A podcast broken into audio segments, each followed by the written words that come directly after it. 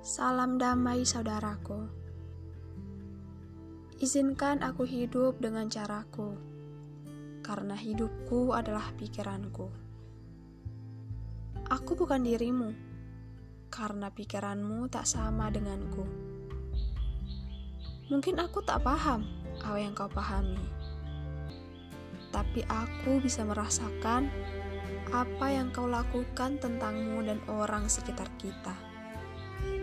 Kita saudara, walaupun tak sedara. Kita sahabat, walaupun tak sehati. Kita beriman karena punya Tuhan. Izinkan aku menggoda pikiranmu tentang apa yang kau lakukan. Aku tak menyalahkan dirimu, tapi ku sesalkan cara yang kau lakukan. Kau pasti lupa siapa dirimu siapa saudaramu, siapa sahabatmu, di mana imanmu. Ingatlah, Tuhan memberikan apa yang kau butuhkan, bukan apa yang kau inginkan.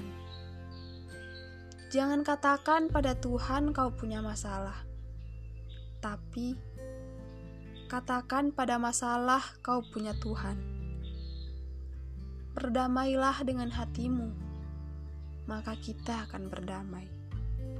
Semoga kedamaian selalu menyertai aktivitas hidup dan kehidupan kita.